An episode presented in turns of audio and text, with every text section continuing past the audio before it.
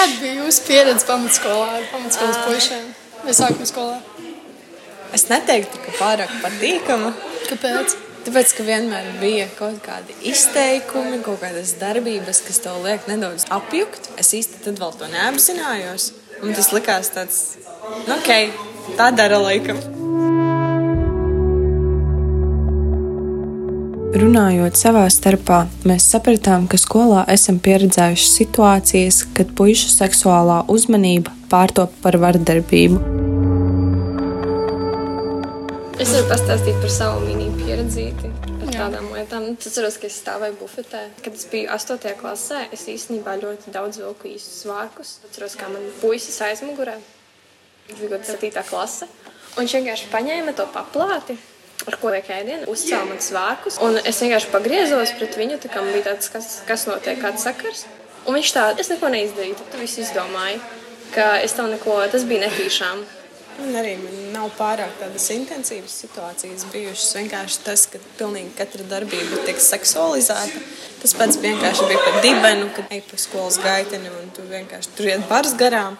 Tev kāds uzsita pa dibenu, un tad ej un uzmini, kurš tev iesita, vai tev izlikās, vai tur netīšām. Nu, tu pati paliec un vešana no pilnīgi visu, jo tu nesaproti, ko tas īsti nozīmē un kāpēc tā ir jādara.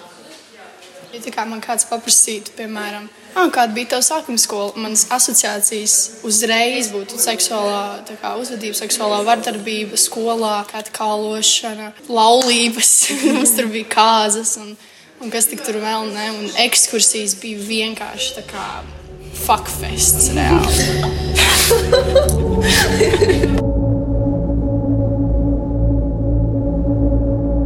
Patiesībā nekas smieklīgs šajos vārdos nebija, jo tā izrādās ir vairāku meiteņu ikdienas skolā. Ar saviem stāstiem lūdzām dalīties meitenes, kas ir pieredzējušas seksuāli kaitējošu uzvedību uz savas ādas. Pirmā savu pieredzi baseinā pastāstīs viena no mums - Ieva. Tas notika otrajā klasē. Es atceros, ka otrdienās mums bija obligātās peldēšanas nodarbības.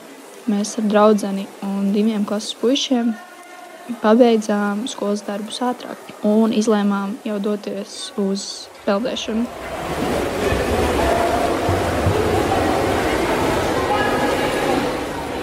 Kad mēs atnācām ar draugu, abi puiši jau bija ūdenī, un atmosfēra bija ļoti jocīga. Jo bija ierasts, ka basēnā ir visi mani klases biedri, bet šoreiz bijām tikai mēs četri. Bija pilnīgs klusums un neviena pieauguša apkārt.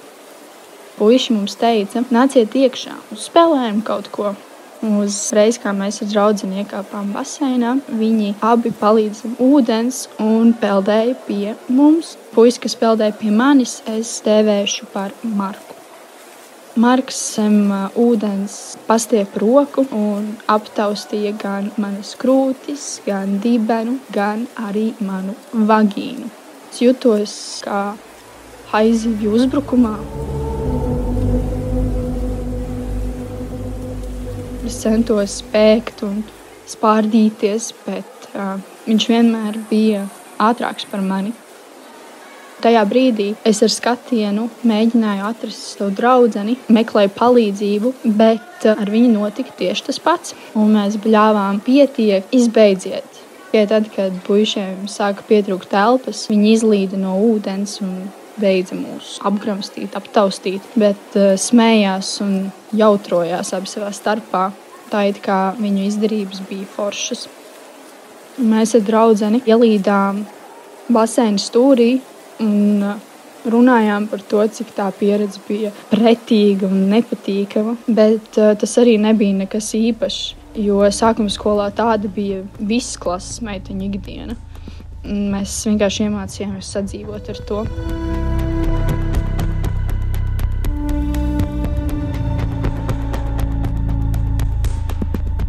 Jurita Pauli runājot par savām negatīvajām pieredzēm ar skolas zēniem, uzsver, ka apkārtējie puikas aizstāv un attaisno viņu darbības ar tādiem vārdiem kā puiši tādi ir vai puiši tā dara, neņem galvā.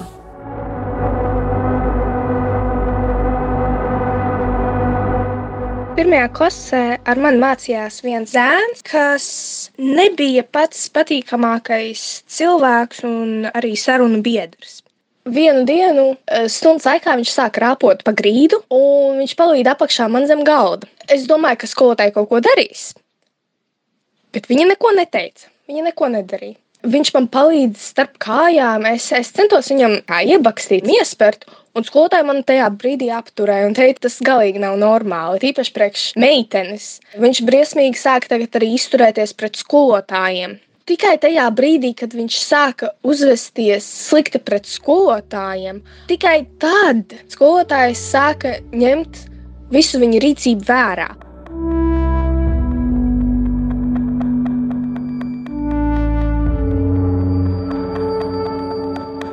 Mūsu trešā runātāja Una ienīda starp brīžus, jo tas nozīmēja, ka viss atkal sāksies no gala. Visu starp brīdi viņi tā kā zēni agresīvi. No tā, ka viņi iedod to buču un aizgāja, bet viņi to nonstopā. Un tad bija reizes, kad es vienkārši biju stūrī iespiest, un vienkārši visu laiku devu, un tad sita pa dibenu vai vienkārši iesta kaut kur. Un, un tas varēja teikt, lai beidzot ko, bet kā viņiem tas bija neinteresē, un skolotāja taisnības bija, jā, bet tie ir zēni, un viņi tā izrāda uzmanību, un tur jāsadzīvo. Un es atceros vienreiz, ka es tā vilku no spārģiebos. Stāvēm ar paliku pēdējā, jūs tos nērti. Es pārģērbos, un tas apakškrekliņš pacēlās uz augšu, un viens zēns tieši skatījās, un viņš pēc tam visiem klasē gāja stāstīt, ka viņš redzēja manas skrūtis. Tad es ilgi nevarēju vairs saņemties, ķēpties vispār uz sportu, jo es bieži vien gāju sporta tā, ko man apakšā palika zeķu bišķis, tās biezās krāsainās, lai man tikai nebūtu jāvelk nost.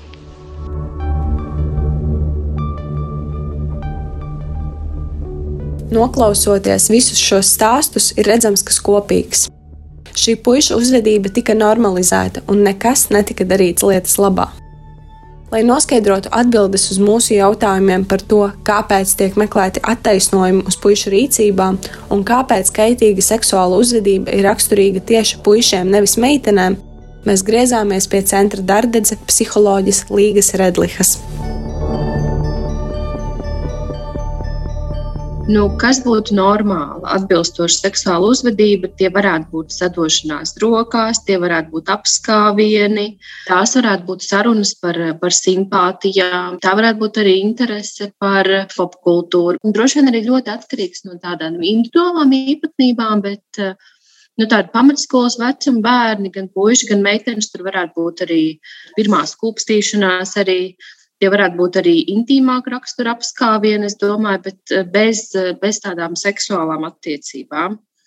Un eh, pusauģu vecums, domāju, tā pamatskola, nu, kas ir kādreiz tās bija kaut kādas septītās klases, tagad varbūt ātrāk ir normāli, ka, mm, ka bērni runā par seksuālām lietām, ka viņiem ir interese, ka viņi apspriež savā starpā.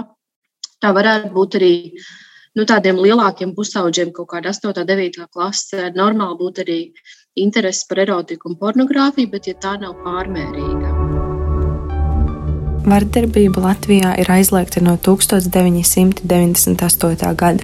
Tieši tāpēc tā vēl joprojām tiek normalizēta sabiedrībā. Daudzi pieaugušie ir izgājuši tam cauri paši un nedomā, ka tas ir nopietni, jo tiem ir neatrisināta vardarbības pieredze domāju, ja mani vecāki redzēja kāru, tad viņiem tas, ka kāds tiek nopērts, ir vienkārši pupumizas no visa veida vardarbības, seksuālas vardarbības vairāk cieši sievietes. Gan tātad meitenes no puišiem, un tā proporcija, manuprāt, ir kaut kur 85% pārdarītāju nepilngadīgo vecumā ir puiši, 15% meitenes. Tad, kad izaug, tad no pieaugušiem tā sieviešu proporcija samazinās. Attiecīgi ap 95% seksuāla pārdarījuma izdara vīrieši. Kādēļ? Es domāju, ka tas ir saistīts ar tādiem no sociāli antropoloģiskiem aspektiem, kad kad tas, um, nu, tā maskulinitāte tiek uzsvērta. Tad vīrietis, ja viņam fiziski ir pārspēks, tiek audzināts kā tāds, kurš to pārspēku drīkst izmantot attiecībā uz kādu, kas ir vājāks un vājāk tipiski ir sieviete. Es to skaidrotu tieši ar šīm dzimuma atšķirībām, tā fiziskā spēka dēļ, un varbūt arī nepietiekamā veidā gan zēni, gan meitenes tiek um, izglītoti par robežām, par to, kas ir un kas nav pieļaujams. Apspriežot visu meitiņu stāstus un eksperta viedokli, mēs ieraudzījām patiesību par problēmas cēloņiem. Viss sākas ģimenē, un ko līdz ģimenes stāvoklis nav tik labs. Tu jau nezini, kas tam otram cilvēkam mājās notiek. Tu nezini, kāpēc viņš izmanto tādus vārdus, kas ir pārāk rūpīgi vai attiecas pret uh, sievišķo dzimumu, tā kā nevajadzētu. Un tad tu automātiski sāc domāt, kādi ir apstākļi viņam ir mājās un ko tad viņiem vecāki dara. Sāp par to, ka meitenes vēl joprojām. Meitenēm ir tas, viņiem ir tas attaisnojums, bet meitenēm, meitenēm taču patīk. Viņas pašas tos īsos svārkus uzvilka. Tas ir likt man aizdomāties par to. Tu nevari pretoties tam. To vienkārši jāsamierinās, ka tas pieaugušais tev pasaka, puiši tādi ir un redz, tu viņam atļauj visu, ko viņš dara, jo viņš vienkārši tāds ir. Viņš pat nevar cīnīties pretī. Jo, jo vēsturiski tas arī skolotājai iegājies, ka viņai mācīja, ka puisim nedrīkst spērt, pat ja viņš tev spēr, tu nedrīkst viņam spērt pretī, jo meitenes jau tā nedara.